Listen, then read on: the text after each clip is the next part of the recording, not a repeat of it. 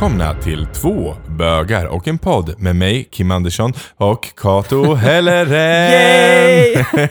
och idag har vi också med oss en gäst faktiskt, Ja. över, över telefon Ja. har vi. Och det är eh, Tobias som är grundare av Regnbågsblod och eh, anestesisjuksköterska. Eh, välkommen! Tack så jättemycket. Ja, grymt. Eh, och eh, för de som eh, lyssnar och tänker, vad gör en anestesisjuksköterska? Eh, så kan man också säga eh, narkossjuksköterska. Det hjälper till operations... Eller hur? Det vet jag inte. Ja. Mm. Jag bara, vi sövande av saker. Där någonstans har jag koll. Sen har inte jag så mer, mer koll på det här. Eh, men, men vid operation helt enkelt. Men välkommen hit. Ja. Ja. Tack så jättemycket. Jättekul att jag får vara med. du är vårat, eh, du är ju våra sån här första telefon, eh, liksom, Intervju. Ja. Ja, är det det? Ja. Vilken ära. Ja, jag vet. Du tar, eh, du tar telefonintervjus-oskulden, så att säga. Man ska vara först på något. Det är jättebra. Först på något.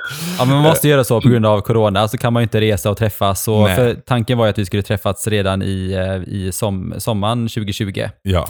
Men så eh, Precis. hände det som Hände. Ja, sen började du jobba konstant dygnet runt. Så att eh, det, det är förståeligt. Eh, Men som sagt var, temat för eh, dagens avsnitt är ju regnbågsblod, vilket du har varit med, eh, eller som du har grundat. Vilket är ju en fantastisk eh, grej, helt enkelt. Så vi, jag tänkte så här att eh, vi kommer prata mer om det, men eh, så ni som lyssnar, det är bara att ni följer med. Häng på.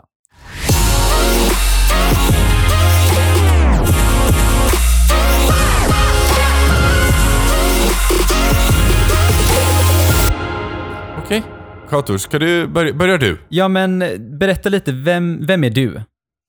Berätta lite om Ja. dig själv. Ja.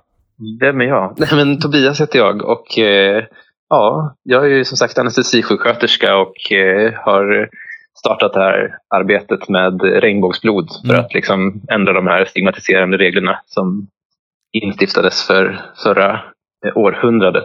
ja, just det. Precis. Och det är någonting som jag burit med mig och tänkt på mycket länge, att de här reglerna måste ändras. Att redan sedan jag pluggade sjuksköterska Mm. och eh, nu har jag ju levt med min man då i över nio år. Och redan då 2014 när den här tanken liksom väcktes så var Mm. jag eh, sjuksköterska och gick till blodcentralen för att erbjuda mig som blodgivare. För att jag vet att jag är en mycket, skulle vara en mycket bra blodgivare. Ja. Eh, men blir nekad. Och sen så sedan dess har liksom den här tanken grott och sen så för ett och ett halvt år sedan så, så startades initiativet Regnbågsblod. Hur sa de då när de nekade dig liksom? Hur? Ja, det var så tydligt för jag själv representerar vården och de representerar vården. Mm. Och, och de, de tyckte det var jättepinsamt att liksom, ja, så jag krävde ju svar. Så här, vad, vad baseras det här på? Vad liksom, Mm. hur kan ni säga att, liksom, att jag är en mycket större risk när jag vet att jag inte tar någon risk? Mm. Det, liksom, det, det, liksom, det förstår man ju utan att vara medicinskt utbildad. Ja. Att liksom, det går inte att generalisera så. Nej. Och de sa, ja, nej, en läkare tog mig åt sidan och satt och förklarade så här att jag, jag försvarar inte de här reglerna. Jag bara måste Ja. omsätta dem. Mm. För det är liksom det som li- ligger på mig. Mm. Så, ja, så redan där förstod jag ju så här att den här, det finns ingen medicinsk förklaring till de här reglerna. Nej. Och det går inte, vi kan inte ha det så här i Sverige. Vi, Nej. vi har kommit för långt, vi har för stor kunskap och vi måste ju arbeta hbtq-strategiskt. Det här måste Och ändras. så bra att du verkligen så bara, nej, satte ner foten och startade stiftelsen Regnbågsblod. Mm. Tack. Ja. Ja. nej, men det, det kändes som ett icke... Alltså, det var bara, jag var tvungen helt Ja. enkelt. det är faktiskt, jag, jag har själv stött på det problemet för jag var på en mässa där de hade en sån blodbuss. Och sen levererade de och gav de alla som gav blod fick typ en goodiebag på den här mässan. Och då var vi Ja. tre bögar som gick på den här mässan. Eh, och så kom vi dit och vi visste ju att vi typ inte fick ge blod. Liksom. Så vi ändå var så här, ja ah, men vi vill ge blod. Liksom. De bara, ja ah, men gud vad kul.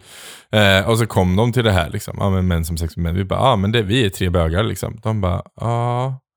Ehm, och det var så jättestelt och de bara, ja vi får inte ge, du, ja, men ni kan få en goodiebag i alla fall. Så vi fick inte goodiebag.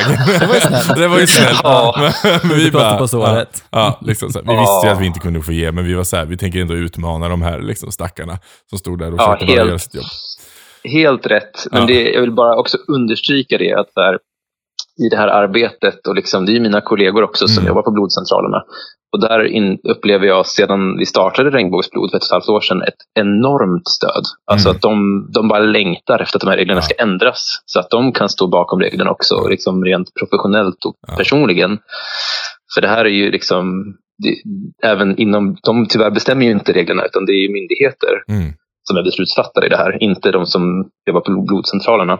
Nej, precis. Så att jag tycker det är helt rätt att man manifesterar och, och liksom uttrycker sin syn på det här Mm. på blodcentralen också. Mm. Men man ska veta att det inte är de Ja. som... Som jobbar Som där. bestämmer. Som, nej, Nej. precis. Nej, men Men, precis. men vad finns det för hinder att vi bögar då, eller män som har sex med män och bisexuella män då inte får lämna blod i Sverige? Ja, det finns ju inga hinder idag.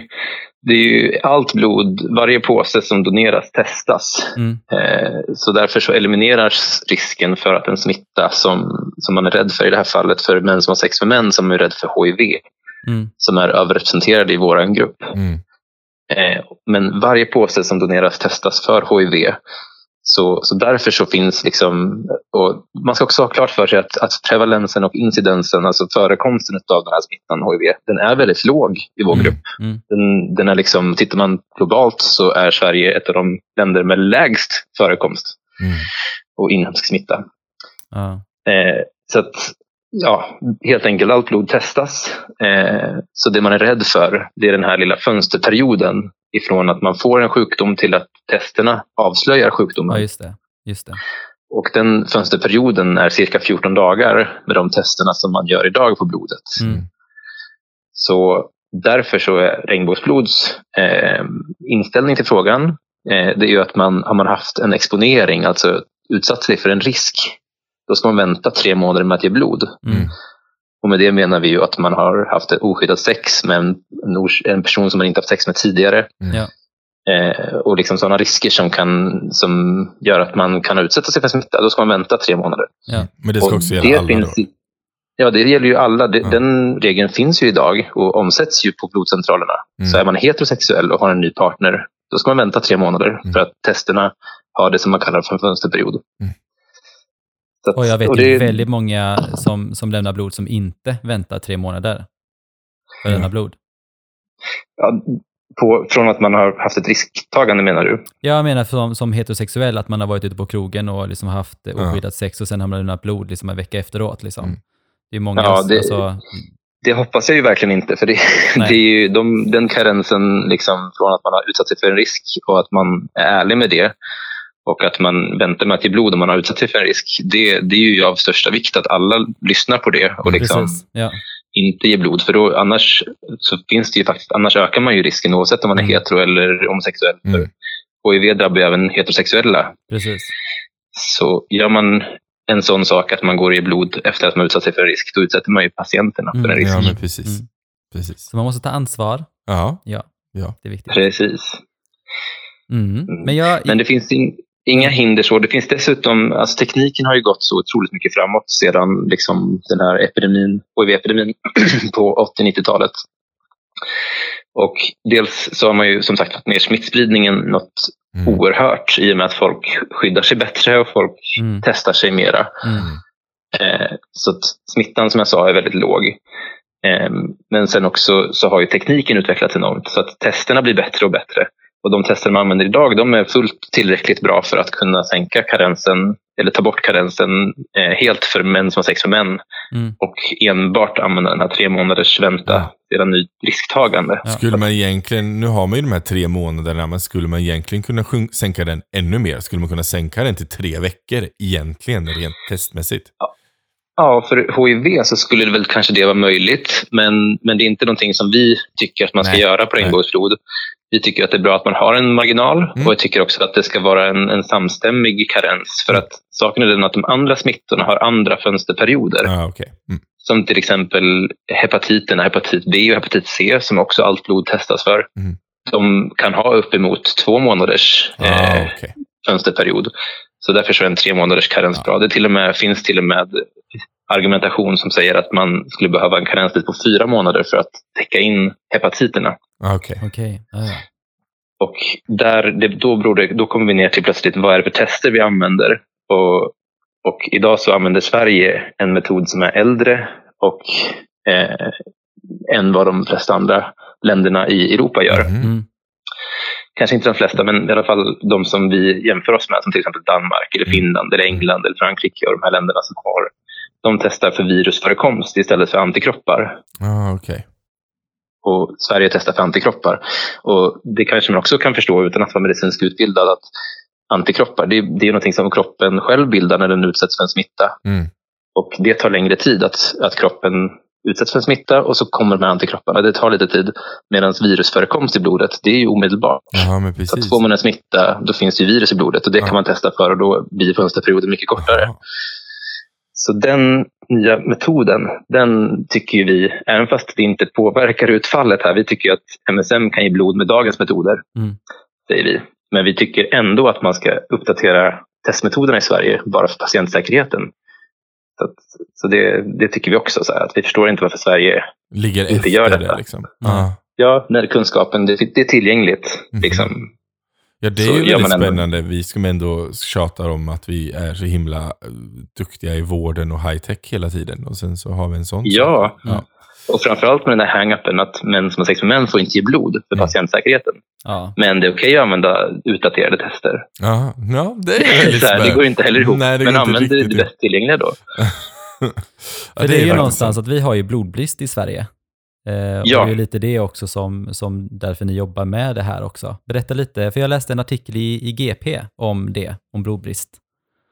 Ja, och det kommer ju hela tiden eh, larm om blodbrist oavsett om det är covid-19-pandemi Mm. eller inte. Mm. Framförallt när vi kommer till storhelger som påsk eller Mm. till sommaren eller till jul så är det att färre Ja, men fler reser kanske mera och då kanske man inte kan ge blod. Man får en viss karenstid för att man har varit i ett land med någon endemisk smitta. Just det. Och då måste man vänta med att ge blod därför och så. så att vi har en, en god bas med blodgivare i Sverige, Mm. men det är återkommande blodbrist hela tiden och vi behöver hela tiden nya blodgivare. Mm. Och ändå så tillåter man sig då att exkludera en sån här jättegrupp med Mm. män då, som, som också i många fall är väldigt bra blodgivare för att man kan ge större volymer och mer frekvent. Men Som man så, så har man ofta bättre blodvärden för att kunna ge blod och större blodvolym. Jaha, det visste jag inte. Nej, men så är det. Så man kan ge fyra gånger per år eh, som man, Ja. medan som kvinna är det tre gånger. Men det här ska också kanske ses över och ändras beroende då på mer individuell anpassning. ja, precis. Men oavsett så i alla fall män, eh, som det ser ut idag, så är det en, en grupp som man gärna vill ska ge blod. Ja, men precis. Eh, Och sen har vi tillåtit oss att räkna lite på hur många man faktiskt exkluderar med de här reglerna. Och det finns ju otroligt många räknesätt i det här. Men eh, en, en metod som är eh, ganska globalt accepterad det är att cirka 10 procent i en population är hbtq plus-personer. Mm. Och om man räknat hälften av dem är män så skulle det generera cirka en halv miljon människor i Sverige Ja, det är ganska mycket. Alltså. som potentiellt stängs ute.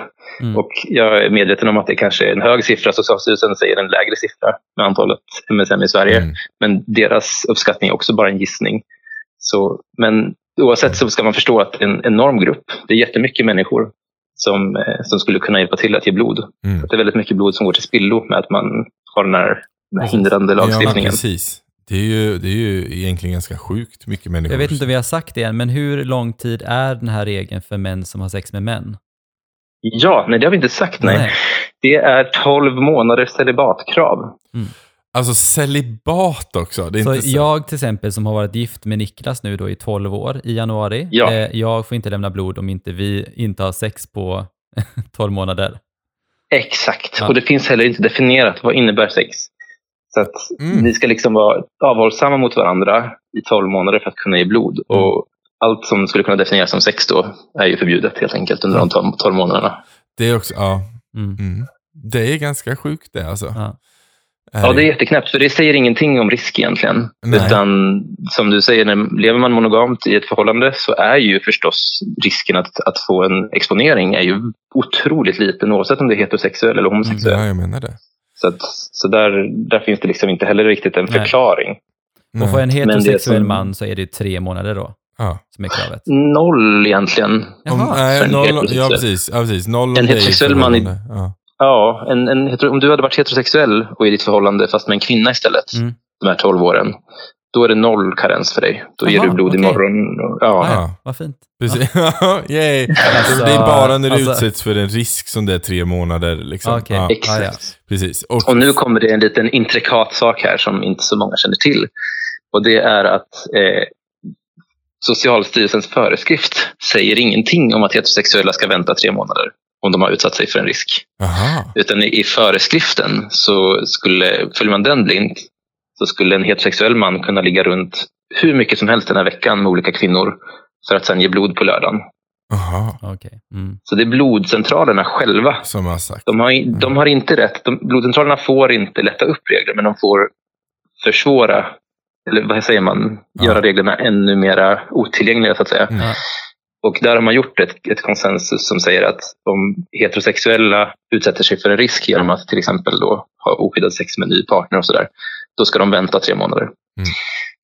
Så Socialstyrelsen, det, det, det säger en del om hur föreskriften är otroligt missvisande och liksom hur den absolut inte upplever eller fyller upp sitt syfte. Nej. Att, liksom, att, att ta bort risk eftersom att den säger att heterosexuella har ingen risk att få en smitta i stort sett. Och Nej. det är ju inte sant. Nej. Heterosexuella till antalet så är det cirka lika många som drabbas av HIV bland Men- heterosexuell ja, population. Men om man kollar då för, eh, det är ju män som har sex med män, men hur gäller regeln på kvinnor som har sex med kvinnor då?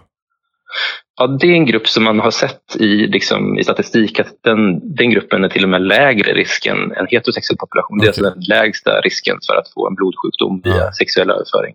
Så de har också Eh. typ noll. Liksom. Så de har noll, ja, Ja. precis. De har ingen karens. Nej. Nej. Så att de, men de har tre månader som alla andra då, rent. Om man har utsatt sig för en risk, blodcentralerna. Och blodcentralernas regler, ja, exakt. Ja, Ja. precis. Men inte enligt, eh, enligt eh, ja men det är också helt galet. Mm.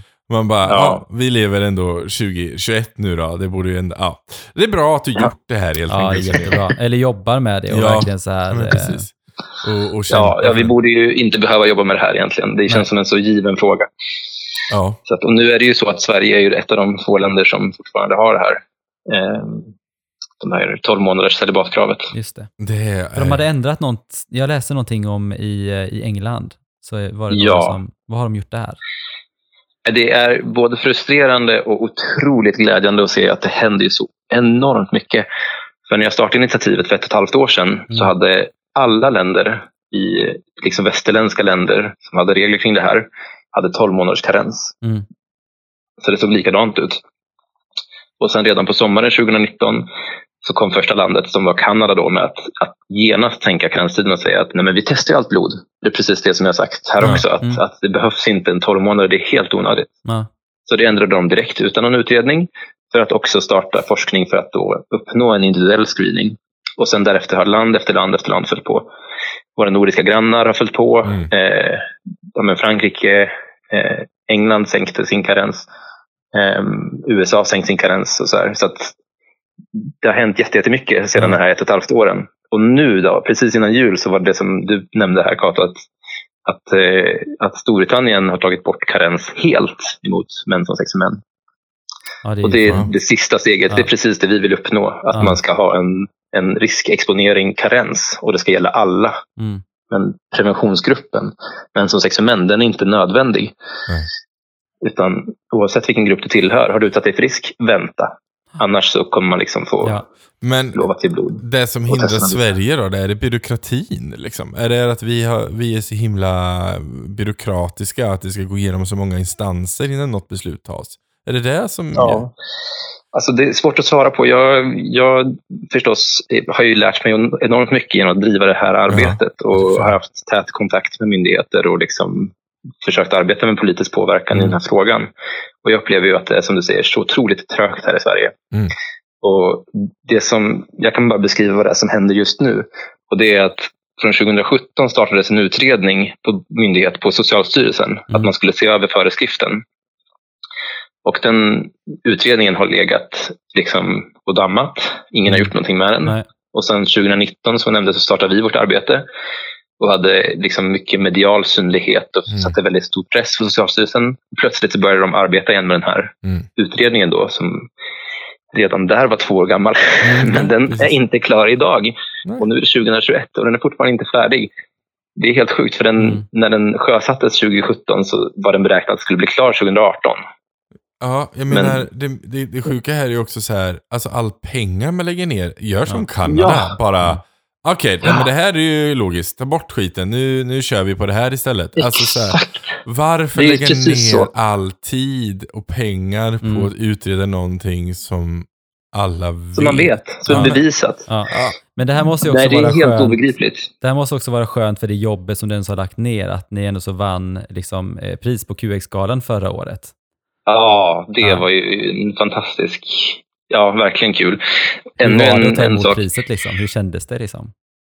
Ja, det, det, var personligen för mig så kändes det jättestort att få Mm. det, liksom, det erkännandet. Och liksom, jag har upplevt att vi har haft stort stöd. Mm. Eh, absolut. Men att, att vinna det priset blev ju verkligen ett kvitto på att så här, ja, men, vi har ett stort stöd i vårt community och Mm. folk tycker det här är viktigt. Och det Alla också timmar man lite har grann- ner liksom, har känts värt det på något Ja. sätt. Liksom. Ja. Och att det går Ja, framåt. verkligen. Verkligen. Och vi jobbar ju så otroligt hårt med det här. Så att, att få det liksom kvittot betyder ju såklart enormt mycket. Och, och också som sagt att det bekräftar ju den uppfattningen som jag haft om att, att den här frågan är stigmatiserande och Mm. den drabbar faktiskt oss, liksom vårt community. Folk som känner sig oönskade och den, det signalvärdet som en sån här föreskrift har Ja. gentemot liksom, ja, att man, det som Socialstyrelsen tar sig friheter att kalla oss till och med, att Mm. vi har ett riskbeteende. mm. Mm. Och det är ju helt orimligt att det kan vara så här. ja, verkligen. Så, Ja. nej, men det betyder jätte- jättemycket. Ja men det är ju, det är ju det är fantastiskt. Men, oh, men sen QX-galan då, vad, vad har hänt sen sist? Vad jobbar, vad, jobbar, vad jobbar du med nu? Sedan QX-galan så har vi insett att, att utredningen den måste ju fortgå. Mm. Så att vi har fortsatt att såklart driva på den. Eh, men sen så har vi också efter QX-galan börjat lägga ett större fokus på att, att liksom, vi måste hitta sätt där vi verkligen visar att vi menar allvar Mm. med det här. Mm. Och, och då har det för oss blivit naturligt att vi ska bilda en forskningsstiftelse. Så det vi har arbetat med strategiskt nu då, sedan ett år tillbaka ungefär, det är att vi håller på att stiftas eh, och kommer bli forskningsstiftelsen Regnbågshjärtan Mm. Mm. Som blir liksom som en moderorganisation som driver or, liksom projekt så som Regnbågsblod till exempel. Det är ju ett projekt som, kan man säga, som kommer bli klart en dag. Vi kommer ju vinna det här, det är vi säkra på. Ja, det måste vi göra. Eh, Men Regnbågshjärtan däremot, vi, om vi hinner, om vi får pengar och om vi har möjlighet att ge forskningsanslag med de medel som vi samlar in, Mm. då vill vi såklart forska på det här. Att säga, liksom, men vad är det som potentierar risk egentligen? Och, och blod, blodfrågan. Så. Ja. Men när det är klart, då hoppas vi på att vi kommer fortsätta kunna samla medel till att titta på andra viktiga frågor inom hbtq plus-perspektiv. Liksom, Mm. För att kunna stötta forskning som, som skyddar och, eh, och stöttar liksom, communityt. Ja. Så det kan handla om, och det, de tre fält som vi vill verka inom, det är medicin, omvårdnad och psykologi. Mm. Så det kan handla om allt ifrån psykisk ohälsa, där vår grupp tyvärr är överrepresenterad. Och Ja. jag tror att blodfrågan är en sak som, även fast kanske bara är en bagatell i det stora hela, så är det också en sak som bidrar till psykisk ohälsa i vår Men det grupp. gör det ju. Det är ju exklusivt. Alltså man känner sig ju ex, alltså, Ja. utesluten ifrån en, en samhällsgrupp av att man inte Precis. får... Alltså så här, det är såklart det påverkar ens, ens hälsa. Det är precis motsatsen till att vara inkluderad i samhället. Ja men precis, precis, precis. Vi är så glada att vi ändå så har dig Tobias som ändå så kämpar för våra community och våra rättigheter. Mm. Alltså att du gör sån himla stor skillnad. Så tack, Tack för så det. du jättemycket, det värmer. Ja men det är verkligen, jag blir så glad att alltså, det finns sådana eh, ja, men själar som, som lägger ner sin tid och energi på att verkligen göra det bättre för, för människor. Ja, för, att, för vi, vi, du, eh, du jobbar ju faktiskt själv i vården. Mm. Det, det gör du ju. Ja. Du, vi nämnde ju i början anestesisjuksköterska. Liksom. Eh, hur, hur har det sett ut för dig 2020? Liksom? Har du... varit Ja, det har varit hemskt. så det, ja, det har ju varit den här brinnande pandemin Mm. och jag har ju fått liksom kavla upp ärmarna och från mars och fram till eh, midsommar så har jag varit på Karolinska sjukhusets intensivvårdsavdelning Mm. för Mm. covid-sjuka Mm. i full mundering. Så det var under den, den tuffaste perioden där. och det har ju klart gjort att man också har liksom regnbågsblod. Vi hade ju sådana enorma planer för Mm. 2020 och det här året startade ju 2020 med att vi fick det priset som vi nämnde. Mm. Ja, mm. precis. Och vi var liksom anmälda till alla Pride-festivaler Mm. och liksom hade världens liksom projekt och samarbeten på gång med Mm. så här, ja, mycket saker som jag inte kan nämna heller men som skulle blivit så fett. Som Mm. hade Och sen blivit så så bra. Ja. Pandemin och liksom dels sabbar alla typer av samarbeten förstås, Ja. För ingen har längre pengar. Nej. Men, och sen så framförallt också så tar det ju all min tid. Så att, eh, så att man har liksom, ja, vi har ju en styrelse eh, på fyra personer. Så vi har kunnat arbeta och liksom, vi har gjort väldigt mycket under det här året. Mm. Men självklart så har pandemin färgat eh, väldigt mycket. Men Hur påverkar det Pride till exempel? Alltså, Pride blir ju, blir ju digitalt i år. Alltså, tycker du Mm. att det höll liksom en bra... Alltså, nådde vi ut? Liksom? Tycker du att det var bra ändå? Mm, Jag tyckte det var jättebra ändå. Jag var Ja. jätteglad att jag fick delta i alla Pride-festivaler Mm. och jag är så otroligt imponerad över allas arbete Mm. i att ställa om. Mm. Men sen kan man också bara tyvärr bekräfta också att, att det är inte samma sak, Nej, tyvärr. vi måste synas Och- på något sätt. Liksom. Ja, det handlar väldigt mycket, vår kamp handlar väldigt mycket om att synas och att träffas faktiskt. Ja, men jag tänker gemenskap och community. Liksom. Jag tror Ja. att det handlar liksom om den här, det är lite ja, Ja. Woodstock. Liksom. Det är det här, man går tillsammans, man gör saker tillsammans och man peppar varandra. Liksom. Jag tror Ja. inte att det funkar lika bra digitalt. Och det gör ingens arbete liksom mindre betydelsefullt eller Nej. så, utan det som hände i sommar var helt fantastiskt. Ja, och, och ja. jag menar, vi var på festivaler som var liksom som Borås Pride som gjorde världens grej digitalt, eller Linköping Pride. Mot, alltså så här, det, var, det fanns liksom sådana eldsjälar och sådana otroligt lyckade koncept. Mm. Men, men tyvärr så är det ju inte samma sak som att träffas Nej, och det. opinionsbilda och liksom driva en kamp. Jag hade en förhoppning på att, så här, att ja, men det blir ökad tillgänglighet kanske. Men, men eh, ja, nej, tyvärr, det är inte samma sak. Nej. Så att vi ser fram emot 2021 och Ja. att alla är Ja. vaccinerade. Alla. Att alla, alla, Pride-festivaler. alla gör den så vi kan ha Pride-festivaler. Det vore fantastiskt. Ja. Men du Tobias, du är, ju, du är ju lite av en förebild själv. Men har du någon förebild du? Någon du ser upp till i, inom det här arbetet eller det här du gör? Oj, ja, jag har så mycket förebilder förstår ni. Jag kan inte nämna alla, men, men de som är direkt i anslutning till vårt arbete skulle jag säga till exempel Barbro Westerholm. Ja. mm. Som, som jag senast mejlade med idag här. Hon, hon är ju en, eh, en kämpe som har liksom dels ändrat. Eh, hon var ju generaldirektör för Socialstyrelsen Mm. och det är ju nuvarande generaldirektör Olivia Wicksell som jag har fightats med. Mm. Eh, så att hennes roll är ju väldigt relevant när Barbro till exempel var med oss och manifesterade på Socialstyrelsens trappa här förra Ja. året. Eh, och, ja, hon, hon står ju bakom vårt arbete väldigt Mm. mycket och hbtq-frågor väldigt Mm, mycket. mm. Hon är en förebild. Men sen det finns många inom vårt community som är otroligt viktiga. Och Tobias Karlsson till exempel som, som arbetar med HIV-frågan väldigt mycket för att bekämpa stigmatisering och, Precis. och även hans, när han delar med sig av sina upplevelser av utanförskap och så vidare och psykisk ohälsa också. Och alla som vågar prata om sådana saker, jag tror det är så oerhört viktigt Mm. och det är verkligen, verkligen förebilder för mig. Och, ja, Mm.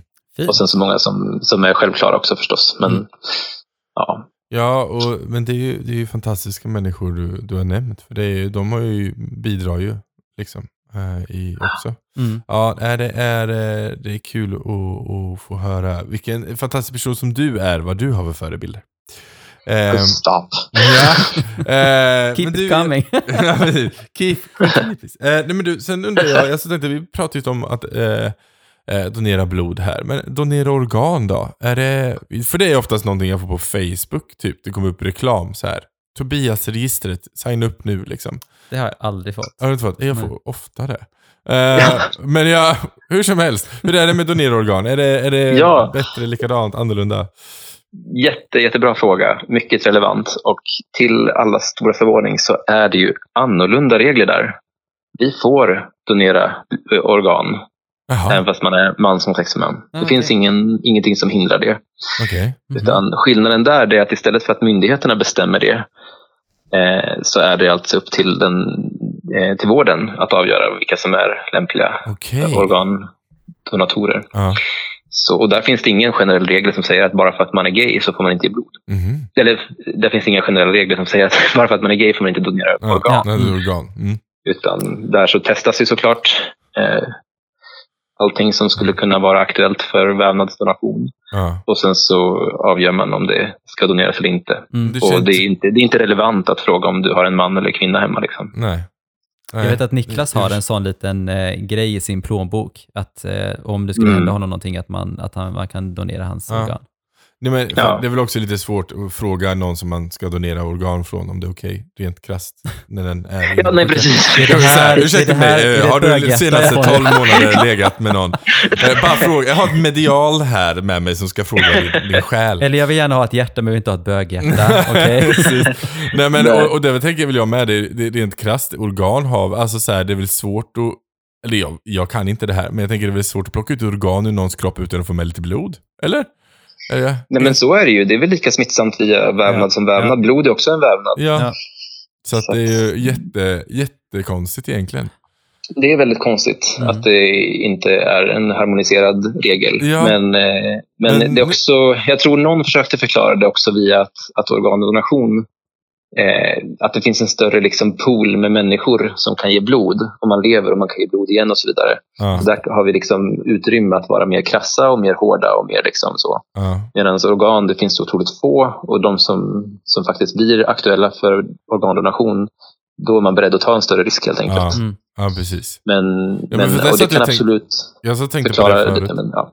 Ja, nej men för jag tänkte på det förut. Jag bara, ja, om nu så är risken att, att, man, att det, om, nu är det ju inte bara det hepatit också, men om vi tar HIV som oftast är den, man kan säga deras slagträ, liksom. Mm. det är den de alltid går ut med. Ja, men, men det är för grund av hiv, man ska inte liksom smitta eller få det. Jag vet, då tänker jag så här, om jag nu är på väg att dö på operationsbordet på grund av blodsbrist, men då tar jag hellre att få då hiv än att dö. Det är väl lite Ja, samma Men sak det är ju också testat. liksom, Ja men jag menar det är ju inte- testat, ja, jag menar ju det det. Men om det nu skulle vara deras liksom slagkraft, jag bara säger ja fast Ja. det är ju som orga- organi- eller så här, donan, eller organdonator då. Det var ju samma där då, om det skulle vara deras grej att vi, vi kan inte vara lika kräsna där. Men samtidigt går man ju Mm. ut och gnäller att vi har blodbrist hela tiden, så hur kräsna kan vi vara liksom? Ja. Ja, det är en helt, jag, tycker, jag tycker det är en jättebra analys och det är precis så som USA resonerade. För USA var det ingen som trodde skulle sänka karenstiden. Nej. Och så plötsligt, mitt i april, så bara bam, Ja. sänker de karensen. Och jag tror till exempel Sverige vill säkert gömma sig bakom att nej, men vi har inte kunnat komma vidare i blodfrågan för att allt handlar om pandemin. Ja. Medan USA gör tvärtom. De, de bara, vi har brist, vi måste ha fler blodgivare. Det här vet vi att vi kan göra. MSM, kom och ge blod. Ja. Och precis, alltså det, det, är liksom, det är jättebra. Det är synd att det ska till en pandemi för att det ska bli. Men, men liksom att Sverige fortfarande inte liksom kan bara ah, fatta att så här, det här kan vi göra. Vi behöver verkligen inte en utredning som Nej. ska pågå från 2017 till 2021 för att konstatera att vi nej. kan sänka karensen lite grann. Ja. Utan det som utredningen ska syfta till det är ju att göra så som Storbritannien har gjort. Att så här, hur kan vi uppnå en jämställd individuell risktagande screening? Mm. Ja. Det kan en utredning handla om och det tycker jag är fullt rimligt. Men att, att en karenstid ska sänkas från 12 till 3 månader är något så givet. Ja. Det ska inte till en utredning. Nej. det ska Nej. bara göras. Det, ska, ja. Det är ju helt, ja. Jag har- håller med. Det är, ja, så sjukt. Det är så sjukt, jag blir bara så här provocerad. Gör liksom. det bara. Jag bara, Bara gör gör, det. jag gör det bara. Ja men precis. Ja. Ja. Svensk byråkrati ibland. Ja, ja. Men slutligen Tobias, eh, om, Ja. om, om du skulle säga någonting till våra lyssnare, vad, vad skulle Ja. det vara? Vad skulle du vilja säga till dem?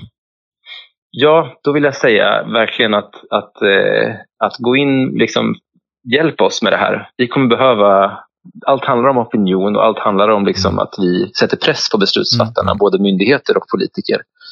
Så att, liksom, gör det ni kan i sociala medier. Det betyder jättemycket för oss att få den synligheten. Att ni kanske bara går in på vår hemsida och beställer hem ett armband som kostar 100 spänn. Mm. För de pengarna, liksom, allt det här görs ideellt så att hela den summan det går till vår stiftelse som håller på att bildas. Så det är ett sätt att kunna stötta oss och, liksom, Mm. och att ge oss synlighet. Att har du armbandet på dig så kanske det väcker en, en, liksom, en kort diskussion i Mm. lunchrummet. Och liksom man kan berätta så här, men visste du att, att jag får inte ge blod? Ja. Och liksom att ja, men sprid ordet Ja. via Mm. sådana Ja. samtal. För det är ganska liksom- vanligt alltså så här, hos vänner och bekanta när jag nämner det. Bara, fast jag, det- speciellt, det brukar Ja. alltid komma några kompisar och lägga upp på Facebook typ så här, ah, glöm inte ge blod, det är viktigt nu i dessa tider. Typ. Och så skriver Ja. man så här typ, ah, det hade jag gärna gjort, men jag får inte. Och då är det alltid Ja. någon som bara, vadå inte får? Jag bara, nej. Och så Exakt. skickar man bara en liten länk typ och de är så här, what? Liksom, de blir chockade. Ja. Folk blir det varje gång. Det är Ja. alltid någon som är så här, nej men du skojar typ. Man bara, nej nej jag skojar inte, utan det är så här det är just nu. Ehm, Ja. Så att, ja nej men Det verkligen. var verkligen det var vår uppfattning när vi ska, skapade det här också. Att, att oj, ingen vet Nej. att det är så här. Men Att kan vissa man... är till på så här bara, ja men jag är blodgivare, jag har läst det här Ja. liksom, när jag skriver i hälsodeklarationen. Mm. Och jag har alltid undrat, vad är det här? Mm. Så säger många, men de allra flesta är så här bara, men va? Hur Mm. kan det vara så här? Det här känns ju som 1800-tal. Liksom. Mm, men Ja. vad det är det. Det har varit mycket av en informationsupplysningskampanj det här kan man ja, säga. ja, men, Men har ni så att man kan liksom donera pengar till er också, till exempel som eh, Rädda Barnen och Suicide Zero och sånt? Ja, det har vi. Det, det finns flera sätt att stötta oss. Dels Mm. via att göra en, en, bara en donation. Eller att man kan starta en födelsedagsinsamling, är det Mm. många som har gjort. Mm. Att så här, skänk pengar till det här, det är viktigt. Liksom, det kommer bidra till forskningen och kommer hjälpa oss. Mm. Eh, eller man kan också, någonting som vi fått förfrågan om nu som jag först hade lite svårt att förhålla mig till men som jag nu i efterhand tycker är så otroligt fint. Det är att vi har fått förfrågning om att ta emot minnesgåvor Ja, Där, just det. Mm.